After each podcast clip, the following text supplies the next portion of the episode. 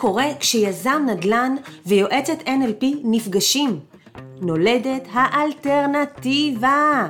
אז ברוכים הבאים לפודקאסט שמדבר נדל"ן בדרך אחרת, מנתח מספרים דרך דפוסי חשיבה ומראה שהתפתחות פיננסית היא כמו כל התפתחות אחרת, מתחילה קודם כל בנו.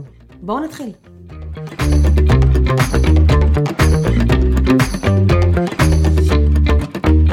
וואו חברים, איך אני מתרגשת. שלום, מה שלומכם? איזה כיף להתחיל את סדרת הפודקאסטים הזאת. אה, זה משהו מטורף. אה, בן זוג שלי, בעלי, שיחיה היקר, כל כך הרבה שנים ביחד, ועכשיו גם עושים את היצירה המשותפת הזאת, זה באמת, באמת, באמת, באמת מרגש אותי.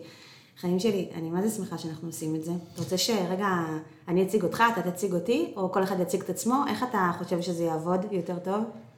תראי, בוא, בוא, בוא נגיד ככה, א', אנחנו יש הרבה שמסתכלים עלינו בחוץ ואומרים כמה אנחנו דביקים, ויש מצב שהגענו לרמה חדשה של, של דביקות עם, ה, עם הפודקאסט הזה. יחיו עם זה. אבל, אה, אבל אה, איך אמרנו מקודם, זורמים אז נזרום. אז בוא נזרום.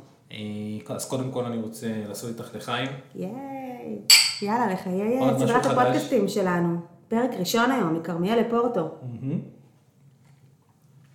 היי, תענוג. שקט אותי פה בוויסקי. אמרה אימא לשלושה ילדים ששתתה וויסקי. ושלוש בצהריים. אז אתה יזם נדל"ן, ממי, אתה יודע את זה שאתה יזם נדל"ן? אמ, כן, כאילו, כלומר, להגיד על עצמך שאתה יזם, אה, כשאתה עדיין לא יזם, זה נשמע מאוד סקסי, אה, אבל כשאתה יזם אתה מבין את כל הקושי שזה בא, שבא בעצם עם הכותרת הזו, עם הטייטל הזה. כל האתגרים, כל המכשולים וכל האחריות הגדולה שיש על הכתפיים שלך כלפי כל כך הרבה אנשים. ו... ועם הזמן, אז אני, ככל שהקושי גדל ומתעצם, אני מבין, אני מבין שהטייטל הזה יושב יותר ויותר עליי. אז איזה מזל שאנחנו מטופלים. אה, אז, אז, אז אני אגיד עליך כמה משפטים, כי מעבר להיותך יזם נדל"ן צנוע מסתבר, אבל אני מבינה את הצניעות הזאת, אני מבינה את הענווה, ואני חושבת שזה חלק מהקסם. אני חושבת שכשאתה נכנס לעולם של יזמות, אתה כל פעם רואה את עצמך נורא קטן, למרות שבהשוואה לאיפה שהיית קודם, אתה מאוד גדול. ו- וככה עולים עוד מדרגה ועוד מדרגה ועוד מדרגה, ואני חושבת שפה זה המקום שזה פוגש אותי ואת העניין שלי.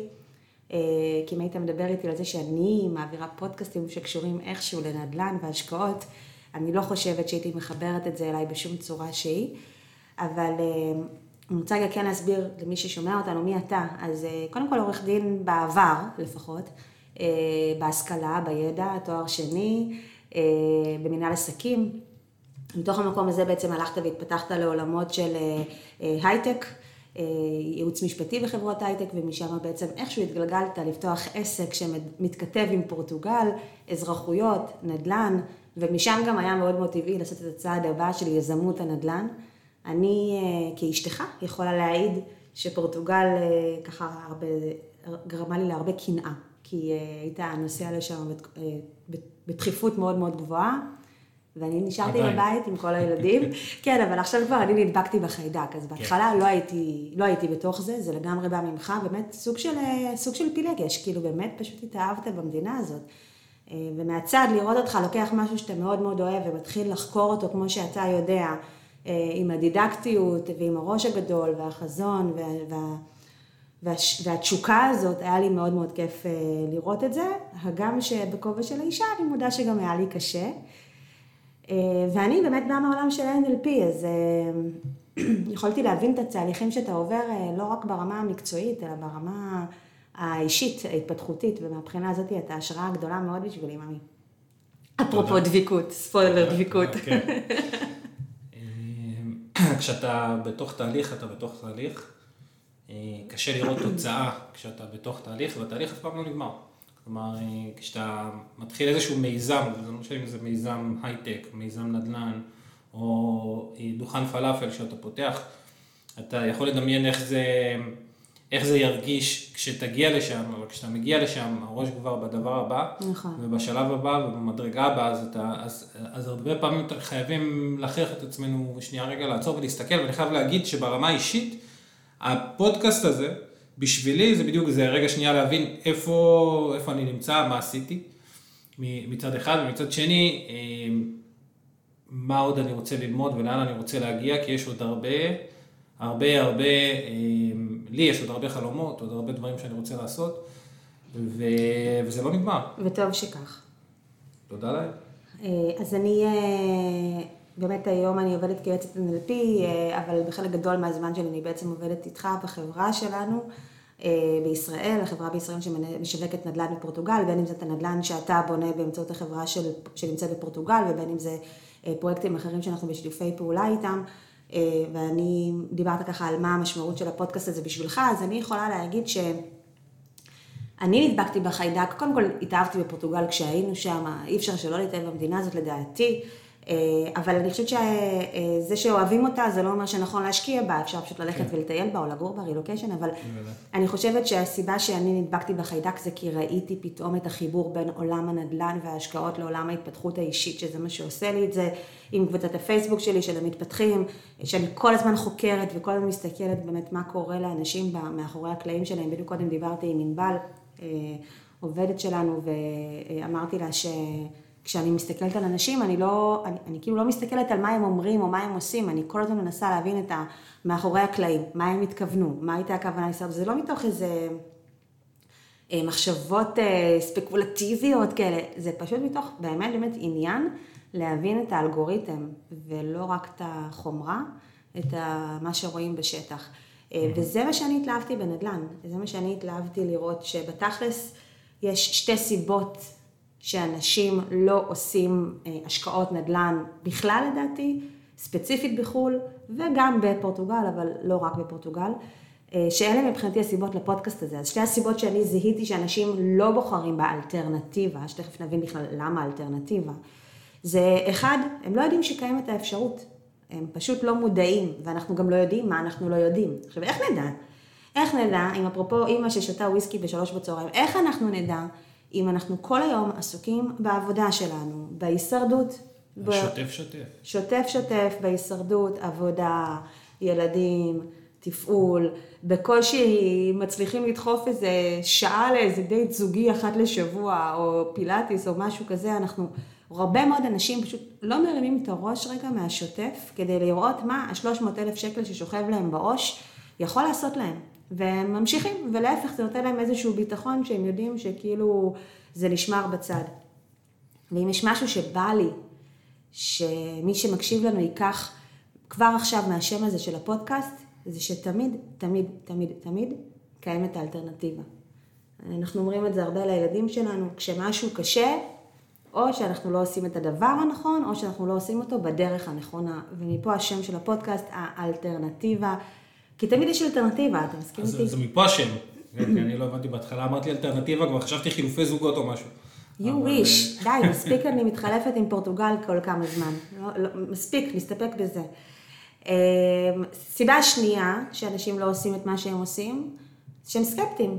וסקפטיים יוצאים קרחים, מכאן ומכאן. בסופו של דבר, האנשים, בטח הישראלים, כל הזמן עסוקים בלחפש את הקאץ', הם פשוט לא מאמינים שאפשר, שיכול להיות יותר טוב, וכאן מבחינתי יש חגיגה שלמה של דפוסי חשיבה ואמונות מגבילות שכן אלפיסטית, אני חייבת לחקור ולהתעמק בהם, כי זה פשוט לא הגיוני לראות מספרים שחור על גבי לבן, אובייקטיבית זה עושה שכל בקלות, אפשר לראות איך ההשקעה היא מול העיניים, היא נכונה, היא יכולה לעזור לנו לקפוץ קדימה, אבל אנשים קופאים במקום, דוחים את זה, חושבים שזה בלתי אפשרי, ובסוף, בסוף, בסוף זה נטו הכפתורים שלנו.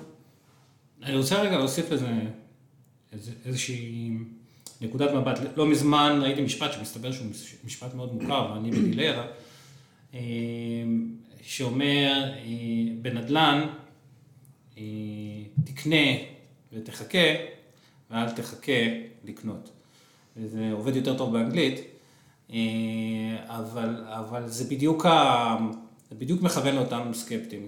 ההבנה הזאת, הרצון, אולי זה אפילו קצת משהו גם מאוד מאוד ישראלי, של אה, לרצות לדעת את כל התשובות בנקודת המוצא. בסדר? להבין איך זה ייראה כשאני אגיע לשם, כשהנדל"ן, כשהנכס הנדל"ני יהיה מוכן, כשזה כבר יהיה בידיים שלי, כשזה יתחיל לעבוד בשכירויות. אתה יכול לתכנן, ואז המציאות מגיעה ומפתיעה אותך. עכשיו, כמובן שאתה רוצה לתכנן, כמובן שאתה רוצה להתכונן כמה שאפשר ולהיות מקצועי, אבל באיזשהו שלב יש מה שנקרא leap of faith שאתה חייב לעשות, ובנדל"ן זה אפילו לא כזה leap of faith, כי, כי אם אנחנו מסתכלים אחורה בעולם הנדל"ני, אה, עשרות שנים אחורה, בסדר? אנחנו מבינים שהעקומה של הנדל"ן תמיד, תמיד, תמיד, תמיד אה, עולה למעלה, וגם אם יש תקופות יותר אה, קשות של משברים, אז תמיד הנדל"ן מתקן את עצמו, במיוחד, במיוחד באזורי הביקוש. ו... והסקפטים תמיד יהיו סקפטים, ולא משנה באיזה עולם אנחנו... לא, זהו, אז אני, אז אני פה חולקת עליך, אני... זה כבר מה שאת מתמחה. אני חושבת, לא, אני, זה לא... סליחה, סליחה, סליחה מכל השיעולים האלה, זה הוויסקי הזה. אני פשוט חושבת שזו בחירה להיות סקפטי. ואני גם חושבת שזה איזשהו תהליך מחשבתי. זאת אומרת, גם אנחנו, אה, תכף נספר את הסיפור האישי שלנו, גם אנחנו היינו סקפטיים. נכון. בתחילת הדרך. וכדי לעשות ליפ of faith וכל מה שאתה מדבר עליו, שאני כמובן מאוד מאוד מסכימה עם זה, אה, יש איזושהי דרך לעבור. אה, בסוף יש איזושהי קפיצה ראשונה שצריך לעשות למים, שהם לא חייבים להיות מאוד עמוקים ומאוד סוערים ומאוד מפחידים, אבל כדי לצאת מהסקפטיות, או כדי לעשות את השינוי, כדי לבחור באלטרנטיבה שבאמת קיימת שם, כדי לבחור בכלל לראות את האלטרנטיבה, צריך לפתוח משהו בראש, צריך אה, רגע לשחרר משהו. לאפשר לזה, לאפשר לזה לקרות, כאילו לאפשר לדברים להיפתח, לאפשר לעצמנו לראות את האפשרויות הנוספות, אם אנחנו לא רואים אותן, אה, אנחנו פשוט לא נראה את האלטרנטיבות, ואנחנו לא רואים מה אנחנו לא רואים, אנחנו לא יודעים. וזה בדיוק המשחק פה המחשבתי המהמם, זאת הסיבה שבעיניי אה, השקעות הולכות בצורה מיטיבה עם כל עולם של ההתפתחות האישית. אז בואו רגע נספר את, ה, את, ה, את התהליך שלנו, איך אנחנו בעצם הגענו לתוך המקום הזה של אה, השקעות נדל"ן, כי זה ממש לא היה עיסוק שלנו, לא שלי ולא שלך. לא. זה ממש לא היה עיסוק של ההורים שלנו, לא שלי ולא שלך. גם לא של האחים שלנו, לא שלי ולא שלך. זאת אומרת, באמת ממש לא באנו מתוך המשפחות האלה או מתוך העולמות האלה. אה, להפך, אני חושבת שאפילו קיבלנו עצות הפוכות לגמרי ממה שאנחנו עשינו. המודלים שראינו לנגד עינינו היו מודלים הפוכים לחלוטין ממה שעשינו, ואני לא יודעת למה עשינו את מה שעשינו באותה נקודת זמן. הייתה לנו איזושהי אמונה שיש דרך אחרת, אה, מבלי לקרוא לזה ככה, מבלי להגיד זו אלטרנטיבה, מבלי לדבר את השפה הזאת של ההתפתחות. לא, דיברנו על זה הרבה גם באותה תקופה, כלומר, היה לנו ברור שמה שראינו מסביבנו, אה, לאורך השנים, אה, אנחנו רצינו אחרת. אז זהו, אז זה נכון, ידע, לא ידענו מה כן, ידענו מה לא. נכון, זה הרבה פעמים לא פחות חשוב. ונכון, זה לא פחות חשוב, וככה התחלנו לגשש. ובכללי, אני חושבת שהרבה פעמים ידעתי יותר בחיים שלי מה לא מאשר מה כן, והתחלתי לבנות מודלים, ובגלל זה גם הלכתי לטיפול. אה, ועודני. אבל, אה, וממליצה לכולם. בכל אופן, השלב הראשון שלנו בעצם היה, אה, שכרנו דירה בתל אביב, ושכרנו בדירה בתל אביב לא מתוך איזושהי מחשבה כלכלית, שכרנו דירה בתל אביב, כי שנינו עשינו התמחות בתל אביב, גרנו בתל אביב משיקולי עבודה, מה שנקרא, מי שיודע מה מרוויח אה, מתמחה במשרד עורכי הדין, מבין שזה ממש לחיות על הקצה, על הקשקש, על הקשקש, על הקשקש, לזכור שם. והסביבה הקרובה שלנו ישר התחילה להגיד לנו למה אנחנו זורקים כסף על השכירות המשוגעת בתל אביב, למה אנחנו כבר לא לוקחים משכנתה, הרי אותו סכום יקנה לנו גם את המגורים הנוכחיים שלנו וגם את הנכס שנחיה בו בעתיד, הכסף ילך לפח, כל המשפטים האלה שעל פניו, וואלה, נשמע טוב, אבל מה לא אומרים לנו? מה לא אמרו לנו? מה קורה להון הראשוני הזה שבאותו רגע נשכיב בשביל לקחת משכנתה? על זה אף אחד לא דיבר איתנו, אף אחד ממי שיעץ לנו לרכוש בית למגורים ולשלם עליו משכנתה במקום שכירות, שהם כולם היו אנשים טובים, נהדרים, חכמים דרך אגב, מצליחים, שרוצים בטובתנו, אבל אף אחד מהם לא עצר לעשות עבורנו את התחשיב של ערך הכסף הזה. כלומר, כמה אותו הון ראשוני שמושכב לטובת אותו בית מגורים, יכול לעשות לנו כאשר הוא מושקע לצורך השקעה.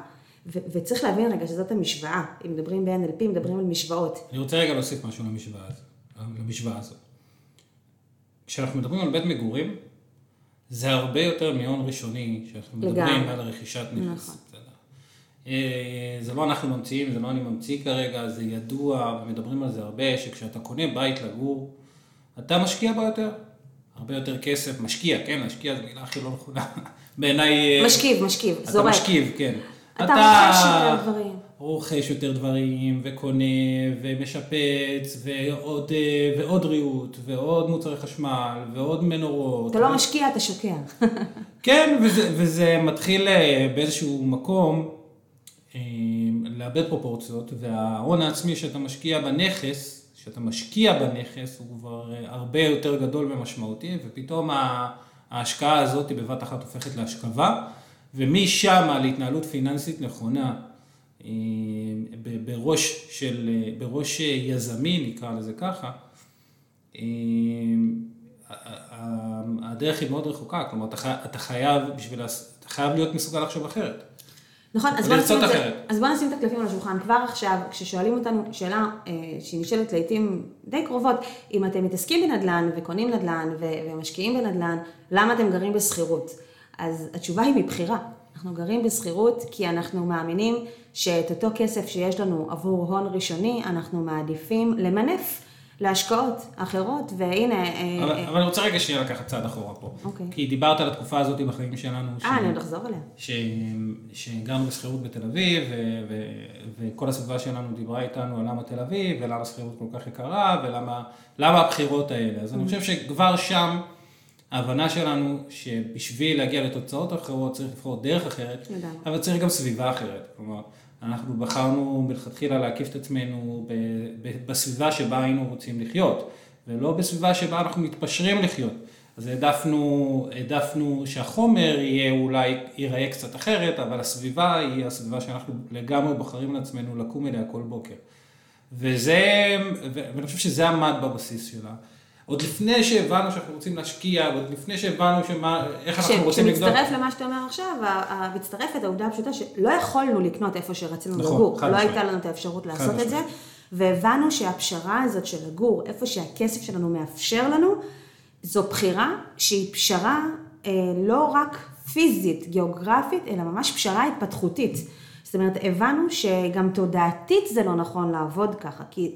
למעשה אנחנו צריכים לעשות את זה הפוך, אנחנו צריכים כל הזמן לשאוף למתוח את התודעה שלנו, ולא לגור במקום שבתחושה שלנו מצמצם לנו את התודעה.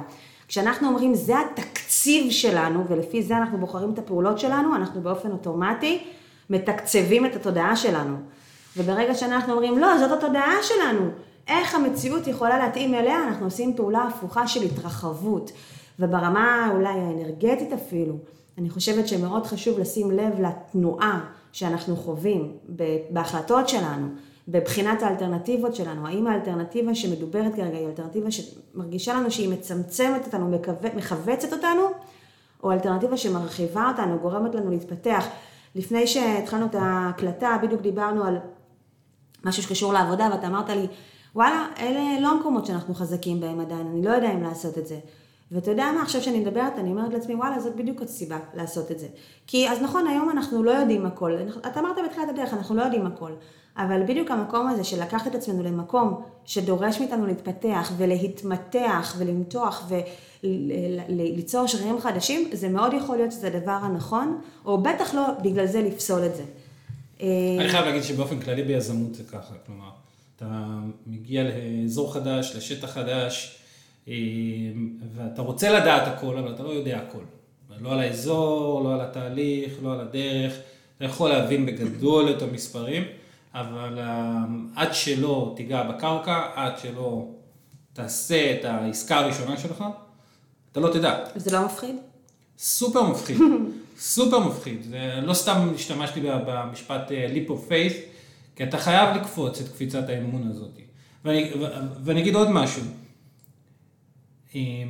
אחרי הקפיצה הראשונה, הקפיצה השנייה היא טיפה יותר קלה, אבל זה אף פעם לא מאוד, אה, אה, אין תחושת אה, ודאות דילוגים ודוגמא כן, אכפת לי. גם מקפיצה לקפיצה, הקפיצות הופכות להיות גבוהות יותר. פעם היה, האמת שבארץ כבר אני לא רואה כאלה בריכות, פעם היה מקפצות נכון. בבריכות, נכון? היה את זה פעם בקיבוצים. היה את זה בקיבוצים, אני כבר לא חושב ש... בישראל זה מסוכן. כן, ביטוחים, בעניינים. אבל פעם היה מקפצות, אני זוכר שהייתי ילד קטן, כשהייתי קטן, קטן, הייתי הולך למקפצה הנמוכה, ואז כשאתה טיפה גדל, אז המקפצה אחת גבוהה יותר וגבוהה נכון. יותר, ואז כשאתה מגיע למעלה, וזה כבר פחד אלוהים. לא, זה אנלוגיה מקסימה. לא, אבל זה ככה זה, וככה זה, וכל קפיצה, כל פעם אתה צריך לבחור מחדש לעשות את הקפיצה הזאת, כי אתה יודע שכשאתה מגיע כשאתה נוגע במים, זה היה חתיכת, זו הייתה חתיכת קפיצה, זה היה חתיכת רייד, מה שנקרא. נכון, אז הקפיצה, המקפצה הנמוכה שלנו באותה תקופה, אם אני חוזרת רגע לסיפור שממנו יצאנו, הייתה רכישת הדירה, רכישת הדירה הראשונה שלנו, כן. שהחלטנו שהיא תהיה להשקעה ולא למגורים. היא הייתה קפיצה מאוד קטנה בדיעבד, אבל היא לא הרגישה לנו קטנה לא, באותו זמן, לא כאילו באותו רגע זה הרגיש קשוח. אה, ומה שגרם לנו בכל זאת ללכת על זה, זה כי אמרנו לעצמנו כל הזמן, שנייה, אנחנו עכשיו לא יכולים לקנות איפה שאנחנו רוצים לגור. מתישהו אנחנו נוכל לקנות איפה שאנחנו רוצים לגור? מה צריך לעשות בשביל שזה יקרה? ואז אקסל, כי ככה אני עובדת, מסודר, כאילו, אני צריכה את הסדר את השיטה וארגון, ויאמר לזכותך שאתה שיתפת איתי פעולה, ואני זוכרת איפה ישבנו בבית הקפה שם בתל אביב, פתחנו את האקסל, ממש שני פעורים, הדיוטות, שמנסים עכשיו להבין איך אני מגיעה לדירה הזאת, שלא לקחנו בחשבון כמה הנכס עוד יעלה עד השלב שיהיה לנו את המחיר. זאת אומרת, אנחנו עשינו חישוב לפי המחירים בתל אביב באותה תקופה. ואז עשינו חישוב והצלחנו לחשוב איך אנחנו מגרדים את ההון הראשוני, וזה לא עשה, זה, זה לא הסתדר. לא ראינו איך מהעבודה היומיומית שלנו, וסך הכל היו לנו עבודות טובות, אה, גם אני הייתי, אה, אה, עבדתי כבר בחברה מצליחה, וסך הכל, והרציתי וטיפלתי, ושנינו עם רקע של עריכת דין ותוארים שניים, וכאילו על פניו היינו במצב טוב באופן יחסי, ולא הצלחנו לראות איך זה קורה. כאילו לא הצלחנו להבין איך אנחנו מצליחים לשים כסף בצד בשביל להגדיל את ההון הראשוני, בשביל כל הזמן היינו באיזה תחושת מרוץ כזאת, אז נגדיל את ההון הראשוני, אבל בינתיים המחירים יעלו, נעשה את זה ונעשה את זה ולא נצליח. ואמרנו, מה, ככה נחיה? זה מה שככה יראו החיים שלנו, כל הזמן נעבוד מסביב לשעון, כל כך הרבה שעות רק בשביל לגור במקום שהוא פשרה מבחינתנו, או איך נצליח באמת לשבור את המעגל הזה, שעבודה מכסה הוצאות, אבל לא מאפשרת לנו להתרחב, לגדול, משהו בתחושה, כאילו, שאפשר לנשום וליהנות תוך כדי, ולא מתוך לחץ. ואז הבנו שאנחנו באמת חייבים לעשות איזשהו leap of faith כזה, והחלטנו להשקיע בכרמיאל כן. אפילו לא זוכר איך התגלגלנו לכרמיאל, דווקא כרמיאל מכל המקומות. אני זוכרת אה, שאח שלי באותה תקופה דיבר איתי על אה, חבר שלו שמשקיע בכרמיאל, וחבר אחר שמשקיע בבאר שבע. ואז אני אמרתי, וואו, באר שבע כאילו לגמרי גדול עליי, ואני לא מכירה שם שום דבר, כרמיאל עוד קצת מכירה כי אנחנו במקור מהצפון. וגם אמרנו, אה, אה, כשקונים בישראל, אז צריך מישהו שיתחזק את הנכס ויטפל בו. אז אמרנו, בצפון עוד יכולים להיעזר בהורים שלנו מדי פעם, בבאר שבע אין סיכוי, זאת אומרת, השיקולים היו שיקולים מאוד... אה, פרקטיים. פרקטיים, באתי לומר הישרדותיים, אבל, אבל, אבל באותה תקופה לא ראיתי בזה הישרדות, ראיתי בזה משהו פרקטי, נכון. Mm-hmm. ואז קנינו באמת את, ה, את הדירה הראשונה שלנו בכרמיאל, שאפשר להגיד עליה הרבה, אבל כסף לא עשינו ממנה, אבל כן העשרנו את הידע שלנו, נכון? כן, לא, לא, היה ברור לנו לחלוטין שההשקעה השנייה שלנו תהיה אמיצה יותר. כן, ממש עשינו את זה כי ידענו שאנחנו עולים על המגרש, לא כן. לא חשבנו שמזה נתעשר. אבל אמרנו, אנחנו עולים על המגרש, ובאמת שזה היה בית ספר טוב, כי פתאום כל המונחים האלה של משכנתה ופריים, ו... הכל קם לתחייה, פתאום הבנו, עשינו, התחלנו ללמוד את המונחים ואת החיים ואיך פתאום הדברים האלה, המספרים האלה מקבלים ביטוי וגם כל הלא צפוי, כמו ביטוח חיים וביטוח דירה שצריך לשלם יחד עם משכנתה, כל מיני דברים כאלה שאף אחד לא מדבר איתך על זה וכל דבר כזה זה עוד איזה פצצה ועוד איזה פצצה ועוד איזה פצצה כשאתה ככה ממש עם היד על כל שקל. אז זאת הייתה למידה חשובה להמשך, והיה המשך. Mm-hmm. אז די מהר אה, באמת מכרנו את הדירה הזאת ואז אה, החלטנו לרכוש דירה אחרת להשקעה, הפעם רכשנו דירה בתל אביב, גם עוד פעם אותו, אותה כרוניקה של לפתוח אקסל ולהבין תחשיבית איך אני יכולה, איך אנחנו יכולים אה, להגיע לזה ואיזה עסקאות אנחנו צריכים לחפש. ואז מגיע השלב של לשבת על הטלפון ועל כל מודעה שיש ולשאול אם הם עונים על הקריטריונים שאנחנו ביקשנו והיה פה חיטוט רגליים מרכזי, אבל גם שמה, כשקנינו את הדירה הזאת, אז התחילו ללחוץ עלינו, אז יש לכם דירה בתל אביב, למה אתם לא רוצים לגור בה? למה אתם לא מכוונים את עצמכם לגור בה? שזה כאילו נשמע הגיוני. לא, את, את עשית פה קפיצה. עשיתי קפיצה. מאוד מאוד גדולה. אני מבין למה, אבל אני זוכר את התקופה שלפני שקנינו את הדירה בתל אביב, כמה ראינו, כמה דירות ראינו, זוכרת ביפו. נכון, היו מלא, וואי, כמה כישלונות בדרך, שכחנו. וכמה, וחיפשנו כאילו את העסקה המושלמת, ורצינו כבר, כאילו אמרנו, מה, לא, שלא יהיה עוד פעם כרמיאל ולא זה, ואנחנו צריכים משהו שהוא בוננזה. וחיפשנו וחיפשנו וחיפשנו, ודיברנו, ואז יום אחד באת אליי עם הקטע של עסקאות 2080, ו... ואז, ואז התחלנו להתמקד, לחפש עסקאות 2080. ו... ובדיעבד, אם לא היית באה עם זה, אני חושב שעד היום אולי אפילו אה, היינו באותו מקום. כלומר, ברגע שהתחלנו להתמקד על מה אנחנו מחפשים... כי תמיד קיימת אלטרנטיבה. נכון. תמיד קיימת אלטרנטיבה, ואנחנו לא יודעים מה אנחנו לא יודעים. אני לא ידעתי שקיים בכלל מונח כזה של 2080 באותה תקופה. כן. אה, לא ידעתי בכלל מה זה אומר, זה היה נראה לי איזה אקט שיווקי. אה, פשוט היה צריך רגע שיפתח איזה חריץ קטנטן, קטנטן, איזה סדק קטן כזה בידיעות שלנו. אבל ככה עוברת התודעה. כלומר, נכון. בשנייה שאתה פותח אה, אה, אה, חרך קטן לאור להיכנס לתוך התודעה שלך, לאט לאט היא מתמלאת באור. נכון, ו- הרעיון הוא באמת להביא אור למקומות חשוכים, שלא תמיד אנחנו יודעים שהם חשוכים, זה בדיוק מה שאנחנו עושים כאן. אמ, ובאמת, אמ, מהמקום הזה של דירה בתל אביב, אני חושבת שמשם התחלנו קצת להבין יותר את חוקי המשחק, ו- וזה מה שנתן לנו את האומץ להתחיל לבחון השקעות בפורטו. וככה התחלנו באמת, היום יש לנו גם אה, אה, נכסים בפורטו ופרויקטים שלמים שאתה בעצם בונה ומשווק אה, עם החברה. הפורטוגלית. אה, וזה, וזה כיף גדול, ואני הרבה פעמים כזה אומרת, מה באמת? איך זה, זה אמיתי? זה עכשיו קרה? כי כמו שאמרנו בהתחלה, אני עדיין מרגישה מאוד מאוד קטנה הרבה פעמים. וכמו שאמרנו בהתחלה, עם שני המכשולים המרכזיים שדיברנו עליהם, הם לא לדעת שבכלל קיימת האפשרות, אז לאט לאט נחשפנו ליותר אפשרויות, והמכשול השני זה הסקפטיות, אז אני חושבת שמה שעזר לי באופן אישי להתמודד עם הסקפטיות, וזה מעניין לי דווקא לשמוע גם אותך עונה על זה, מה שעזר לי להתמודד עם הסקפטיות, אה, זה הצעדים הקטנים שעשינו. והעובדה שכל פעם אפשר היה לקחת... בדרך, בהתחלה. בדרך.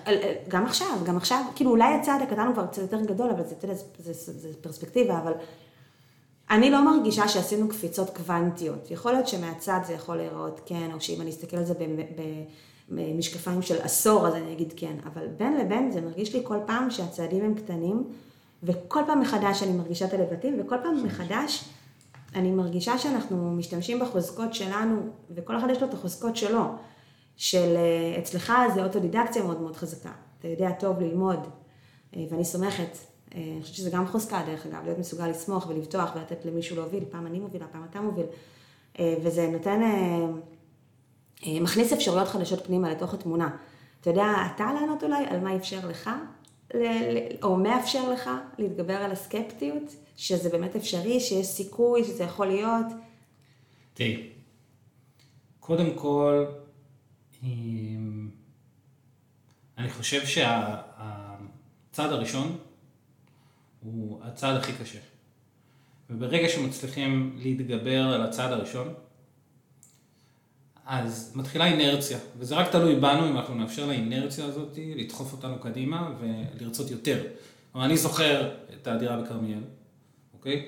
וה, והיום שאני חושב על פרויקטים של 110 יחידות בפורטו וכן הלאה, המרחק נראה מאוד מאוד גדול, אבל בדרך כל החלטה קטנה נראתה לי מאוד הגיונית ב- ביחס לאותו זמן. אבל תמיד דאגנו, וגם דאגתי בעצמי, אה, אה, לעשות איזושהי לפחות קפיצה קטנה בין, בין השקעה להשקעה. אז זהו, שיש את האנשים שהם אה, גם היזמים, שעושים קפיצות מאוד גדולות. נכון. ועדיין, נכון, נכון. תמיד אפשר להסתכל הצידה ותמיד אפשר לחשוב שיש מישהו שעושה את הקפיצות בצורה אה, אה, גדולה יותר, משמעותית יותר וכן הלאה. אבל אני חושב שבאמת כל אחד צריך להסתכל רגע שנייה על עצמו ו... ו- ולקפיצות שהוא מסוגל להכיל. בדיוק, ולהבין, ולהבין מה הוא יכול להכיל, זה בדיוק נכון. העניין. אה, יכול להיות שברמת היכולת הפיננסית, ויכול להיות שברמת התודעה, ויכול להיות שברמת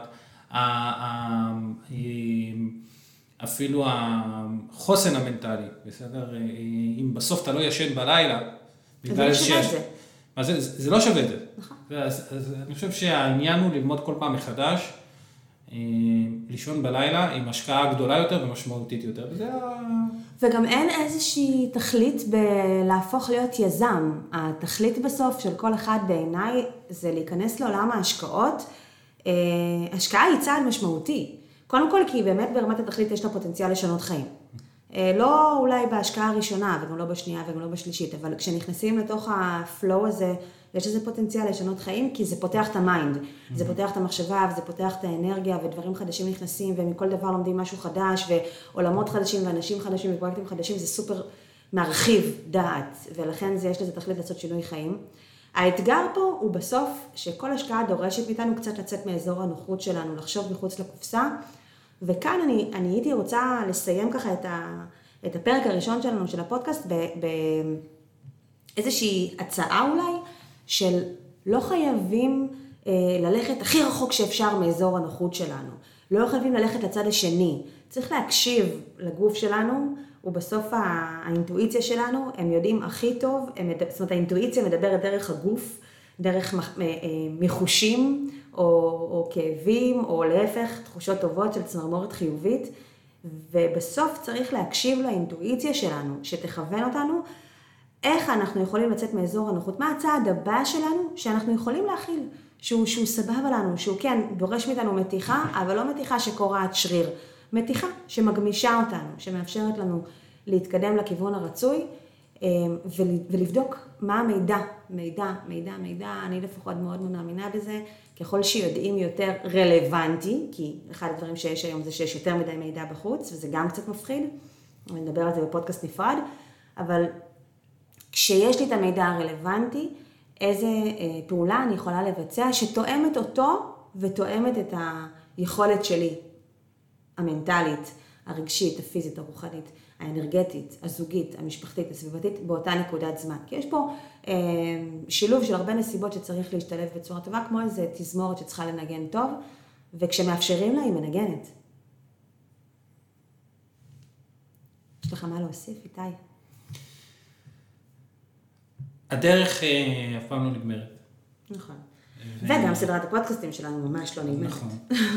ואני חושב שלצד כל התהליכים צריך ללמוד ליהנות מהדרך, ולא לחפש רק תוצאה. וואו, זה ממש פרק שלם, כי אנחנו לא, ממש לא באנו מתוך מקום של הנאה. לא, לא, לא, לא, לא, אמרתי, צריך ללמוד. היינו סיזיפים בהתחלה. צריך ללמוד ליהנות מהדרך. נכון. וזה מה שמשמר את האינרציה. נכון. אמ, כי הדרך היא אף פעם, אף פעם, אף פעם לא נקייה ממכשולים, חששות, פחדים, בעיות, ויש הרבה הרבה הרבה בעיות. אמ, ואם אתה נהנה מהדרך, אתה מוצא את הדרך הקלילה לפתור. אז מה צפוי לנו בפרקים הבאים שלנו, של הפודקאסטים? או שאני אמורה להפתיע אותך? בואי תתחילי. אני יודעת להגיד לך שמדברים שאתה ביקשת, אז אני יודעת שהפודקאסטים הזה, הפודקאסט הזה הולך לדבר על השקעות, אבל תמיד נבין אותם מאחורי הקלעים, איך חושבים על השקעה, על מבנה של השקעה, פחדים שרלוונטיים, אבל לא רק, אנחנו נראיין ונבין אה, איך אה, עולם ההשקעות עובד אה, בארץ, בחו"ל, בפורטוגל. אה, לא נדבר רק על העולם של פורטוגל, אנחנו נראיין אנשים שהם מומחים במס בינלאומי, מיסוי בינלאומי, ונבין איך אנחנו צריכים, מה אנחנו צריכים לעשות ולבחון עסקה. כבר בפרקים הקודמים, אנחנו, הקרובים, אנחנו גם נדבר על איך נזהרים, ממה צריך להיזהר. כל אותם סקפטים, סקפטים, סקפטים, בוא, לפחד יש גם תפקיד חשוב, צריך גם להקשיב לו, לא, אמרנו להקשיב לגוף, זה גם להקשיב לפחד. אז נבין גם איך אנחנו בוחנים, איך אנחנו בוחנים את התחושות שלנו, ממה אנחנו רוצים להיזהר, איך אנחנו יודעים איזה שאלות לשאול ואת מי, ו... ובגדול יהיו לנו עוד הרבה הרבה מאוד הפתעות בעולם של השקעות והתפתחות. זה, בדיוק רציתי למסגר את זה, ונתתי את זה ככה במשפט האחרון, שאנחנו ניתן כלים תודעתיים וכלים פרקטיים איך להשקיע. חד משמעית, אנחנו סופר פרקטיים בסופו של דבר. זו המטרה. חברים, תודה רבה, אנחנו ניפגש בפודקאסט הבא שלנו. להתראות. ביי.